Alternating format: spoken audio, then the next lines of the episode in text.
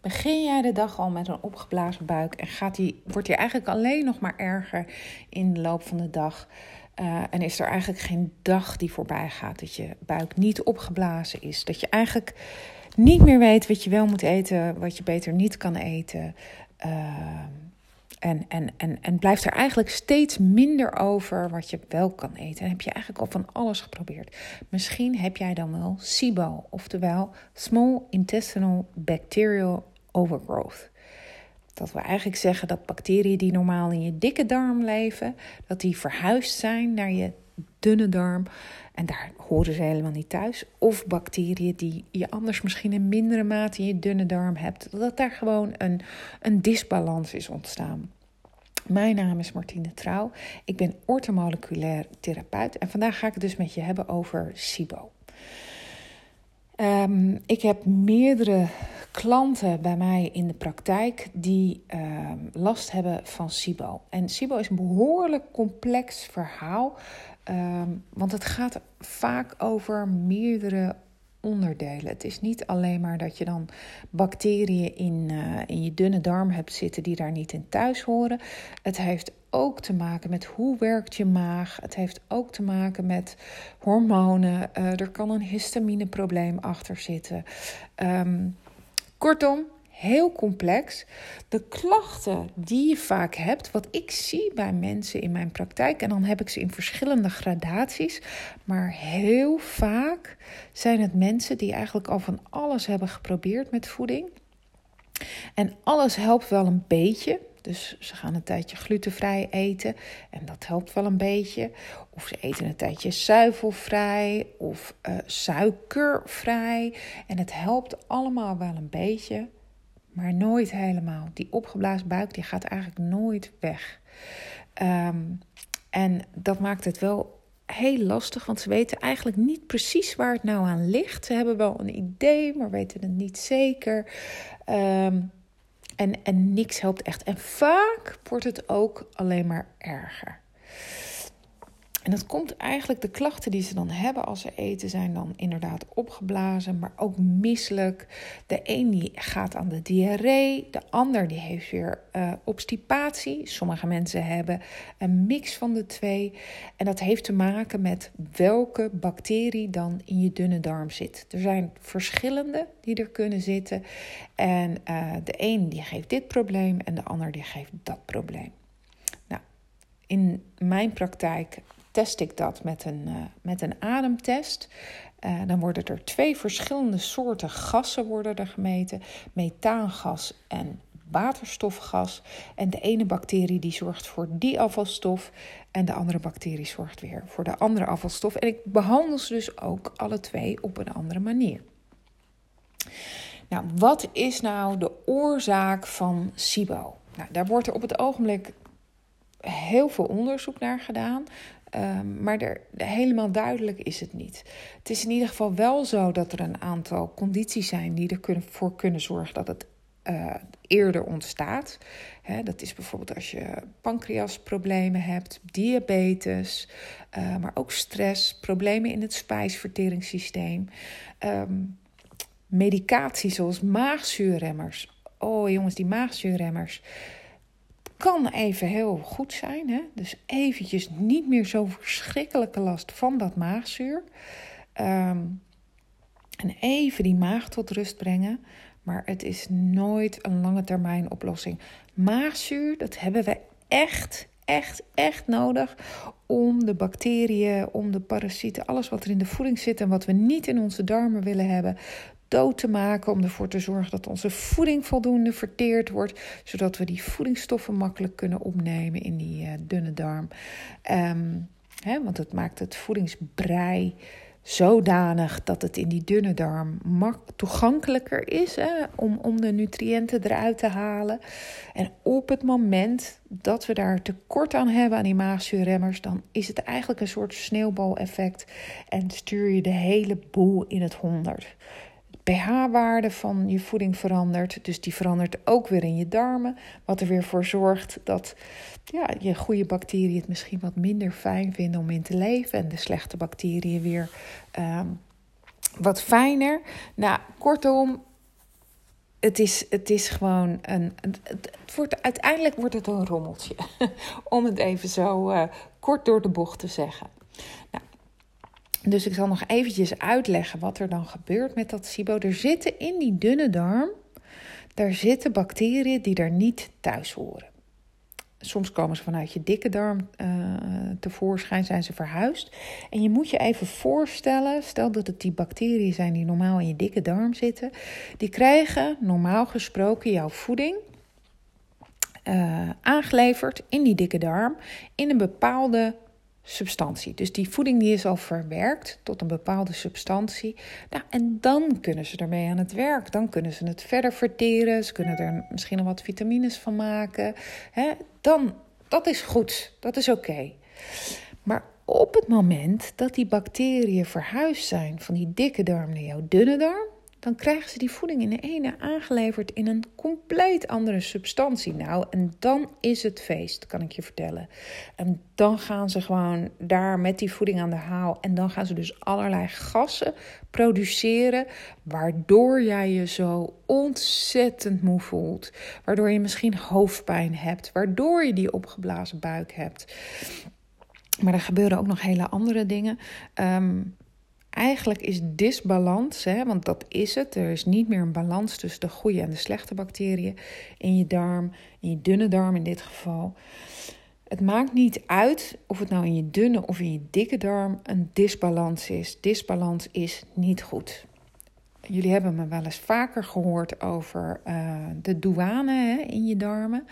Um, dat is je tight junctions, de, de blokjes die je je darmmuur zijn, die alleen maar open horen te gaan als er voedingsstoffen naar binnen komen. Alleen maar wat jij naar binnen wil laten komen, dat mag naar binnen. Um, de, slijmlaag die gewoon goed stevig is, die mooi is. Uh, en, en die ervoor zorgt dat niet alles naar binnen kan. Waar je bacteriën, je goede bacteriën fijn in kunnen wonen. Op het moment dat er sprake is van een disbalans of dat nou in je dunne of in je dikke darm is, dan gaat er iets mis. Dan zul je krijgen dat er automatisch meer plek ontstaat voor slechte bacteriën. Um, je krijgt dat er stofjes in je bloedbaan terechtkomen waar je immuunsysteem op gaat reageren.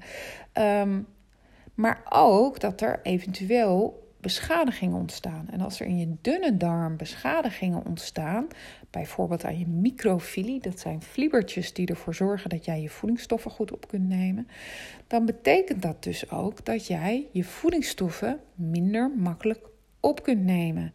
Dat is ook wat ik heel vaak zie gebeuren, is dat mensen gewoon tekorten gaan krijgen aan bepaalde voedingsstoffen. En daar word je nog moeier van. Maar dat heeft ook weer een effect op de rest van je lichaam. Want daardoor raken je hormonen misschien uit balans. Daardoor uh, voel je je moe. Uh, kun je minder makkelijk. Uh, heb je misschien wel kramp in je spieren. Noem maar op.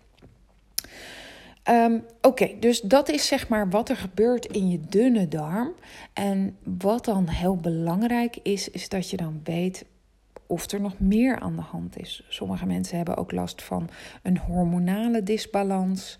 Uh, iets wat ook heel, heel vaak voorkomt bij mensen met SIBO is dat ze ook een histamine-intolerantie hebben. En even heel kort door de bocht. Histamine-klachten, dat kunnen zijn huidklachten. Maar uh, dat is als je bijvoorbeeld rode wijn drinkt. Heel veel mensen met histamine-klachten die zeggen dan tegen mij: vraag ik aan ze: um, wat gebeurt er als je wijn drinkt? En dan zeggen ze: Oh nee, wijn dat drink ik al in geen jaren meer. Oké, dan, dan weet ik eigenlijk, dan, dan, dan weet ik eigenlijk al een beetje van: oké, daar zit een histamineprobleem. Um, rode wijn, um, uh, chocola, pure chocola. Um, wat hebben we nog meer? Ja, er is een heleboel hoor. Oude kaas, uh, vis uit blik, daar krijgen ze een reactie op. En, en gewoon even kort door de bocht zijn dat dan een soort allergische reacties, huidklachten, rode wangen, maar ook hartkloppingen, onrustige benen, hoofdpijn. Dat zijn allemaal een beetje histamine-achtige klachten. En nu heb ik het dan over histamine-klachten puur uit voeding. Maar het kan ook heel goed zijn, als er een disbalans is, dat er bacteriën zitten die histamine vrijzetten. Of het kan zijn dat er een parasiet zit. Ja, weet je, op het moment dat je niet weet waar het probleem zit, dan wordt het heel lastig om het terug te draaien. Wat ik met uh, SIBO, nou laat ik eerst even vertellen, regulier zo. Het is nog niet heel bekend, maar het wordt wel wat bekender. Maar als je daarmee dus uh, bij een MDO-arts komt of bij je huisarts, dan zal die in eerste instantie altijd antibiotica gaan geven. En dat geeft, zie ik bijvoorbeeld met mensen met, met huidklachten, geeft dan even kortdurend, geeft dat verlichting. Die huid die wordt beter. Maar eigenlijk komen die klachten altijd weer terug. Um, want antibiotica, dat haalt die slechte bacteriën weg. Hè, op het moment dat het probleem veroorzaakt wordt door bacteriën. Maar het haalt ook je goede bacteriën weg. De balans is ook weer even kwijt, hè, want je haalt alles weg en het moet weer helemaal opnieuw beginnen. Heb je nou al een fantastische darmflora, is er niet zoveel aan de hand, maar is er al sprake van een disbalans, dan zet je eigenlijk in eerste instantie één stap vooruit en daarna twee stappen terug met antibiotica. Dus sowieso altijd probiotica nemen voor langere perioden na een antibiotica-kuur. Even, even tip tussendoor. Um, alternatief doe ik dat dus met kruiden, afhankelijk van welke um, bacterie er zit, welk gas er wordt uh, geproduceerd, welke klachten er zijn. En um, ik doe heel vaak het FODMAP-dieet, omdat je dan eventjes de boel tot rust brengt. Je geeft even die bacteriën in die darmen uh, niks te eten. En dan ga je daarna ga je voorzichtig alles weer herintroduceren. En dan zullen de klachten soms minder zijn. Maar heel vaak moet je SIBO gewoon een aantal keren behandelen. Heb je wel twee of drie rondes nodig.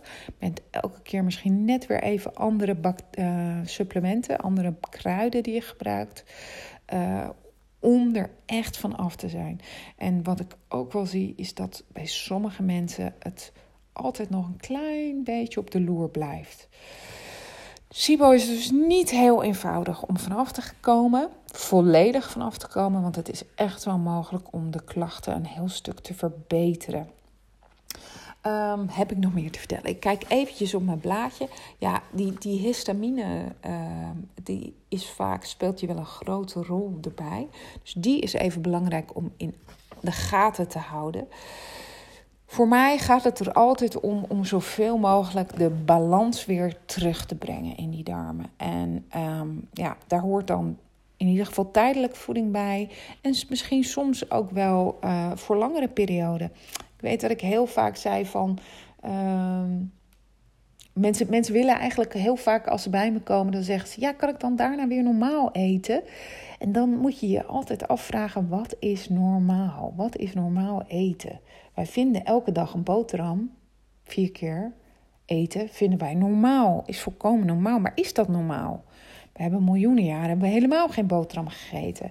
Dus, dus ja, dat is een lastige. op het moment dat je dan zo gewend bent om elke dag je boterham te eten, dan is dat best een stap om dat te gaan veranderen. Um, en, en, en zul je dus wel degelijk echt een aanpassing moeten maken, misschien wel voor de rest van je leven, aan je voeding. Um, en dat wil niet zeggen, jongens, dat je dat dan altijd heel strikt moet doen. Als je daartoe in staat bent, fantastisch. Ik kan het niet. Um, ik heb, ik heb gewoon af en toe uh, even nodig dat ik even wat lekkers eet. Of dat ik even een patatje eet. Uh, en verder probeer ik zoveel mogelijk om het gewoon gezond te houden. Maar dat is het leven. Weet je, um, dus, ja, nou ja, goed, zo zit ik in elkaar. Je hebt ook heel veel mensen, je ziet een heleboel van die gezondheidsgoeroes. Die zie je eigenlijk altijd alleen maar knabbelen op, uh, op groenten en uh, notenpasta's en, en weet ik veel wat allemaal. Ik zit zo niet in elkaar. Ik kan het gewoon niet. Oké, nou, dat heb ik dan even. Uh, dus ja, misschien denk je nou, nou, lekkere, lekkere therapeut ben je nou. Ja, nee, ik zit zo niet in elkaar. Ik geloof ook niet dat het leven zo in elkaar zit. Als je zelf wel zo in elkaar zit, nou, dan denk ik dat ik niet een goede therapeut voor jou ben. Um, ik denk echt serieus gewoon dat je, je doet het een periode strikt. Je moet het een periode strikt doen op het moment dat je inderdaad klachten hebt waar je van af wil. Dat gaat niet anders. Je zult wel moeten en je zult het soms misschien een hele lange periode moeten doen. En dan komt er een periode dat je je weer beter voelt en dat je denkt, shit, ik ga toch lekker dat ijsje nemen. Nou, geniet ervan zou ik zeggen. En soms dan merk je dat je als je dat ijsje hebt genomen, dat je buik gewoon drie keer dikker is geworden. Ja, oké, goed, duidelijk dan weet je dat. Was het ijsje het waard? Ja, oké, nou, jammer dan. Weet je, je hebt in ieder geval genoten van het ijsje. Was het het niet waard? Nou, dan weet je dat je het niet meer moet doen. Zo leer je, zo word je elke keer een stukje beter en zo kom je elke keer weer verder op, je, op het juiste pad. En, en soms, ja, dan drink je dat wijntje of weet ik veel wat en dan betaal je een prijs. En als die het waard was, nogmaals, dan is het toch allemaal oké. Zo gaat het. Nou, en dan, en dan soms dan voel je je gewoon weer zwaar kloten erdoor. En dan moet je weer opnieuw toch een keer zo'n periode doen dat je je aanpassingen maakt. Ja, het is kostenbaten, jongens. Wat, wat, uh, wat, wat weegt het zwaarst voor jou op dat ogenblik? Nou, oké, het is weer een heel verhaal geworden. Ik hoop dat je er wat aan hebt gehad. Mocht je me een keer willen spreken, uh, je kan op Martine Trouw uh, bij kun je kijken. Daar staat bij het kopje gratis, staat een gratis sessie. Dan kun je eventueel een, uh, een 20 minuten gesprek met me aanvragen, gratis. Um, om te kijken of ik je kan helpen. Ik heb er nog een aantal andere leuke dingen ook op staan. Mocht je dit een waardevolle uh, podcast hebben gevonden, dan vind ik het altijd echt heel erg gaaf als je een um, recensie voor me achter wil laten. Als je wel even wil zeggen wat je ervan vond. En zo kunnen ook andere mensen deze podcast weer makkelijker vinden. Hey, voor nu, het wordt morgen fantastisch weer. Ik wens je een heel fijn weekend, fijne dag op het moment dat je dit op een ander moment uh, luistert. En uh, tot de volgende keer.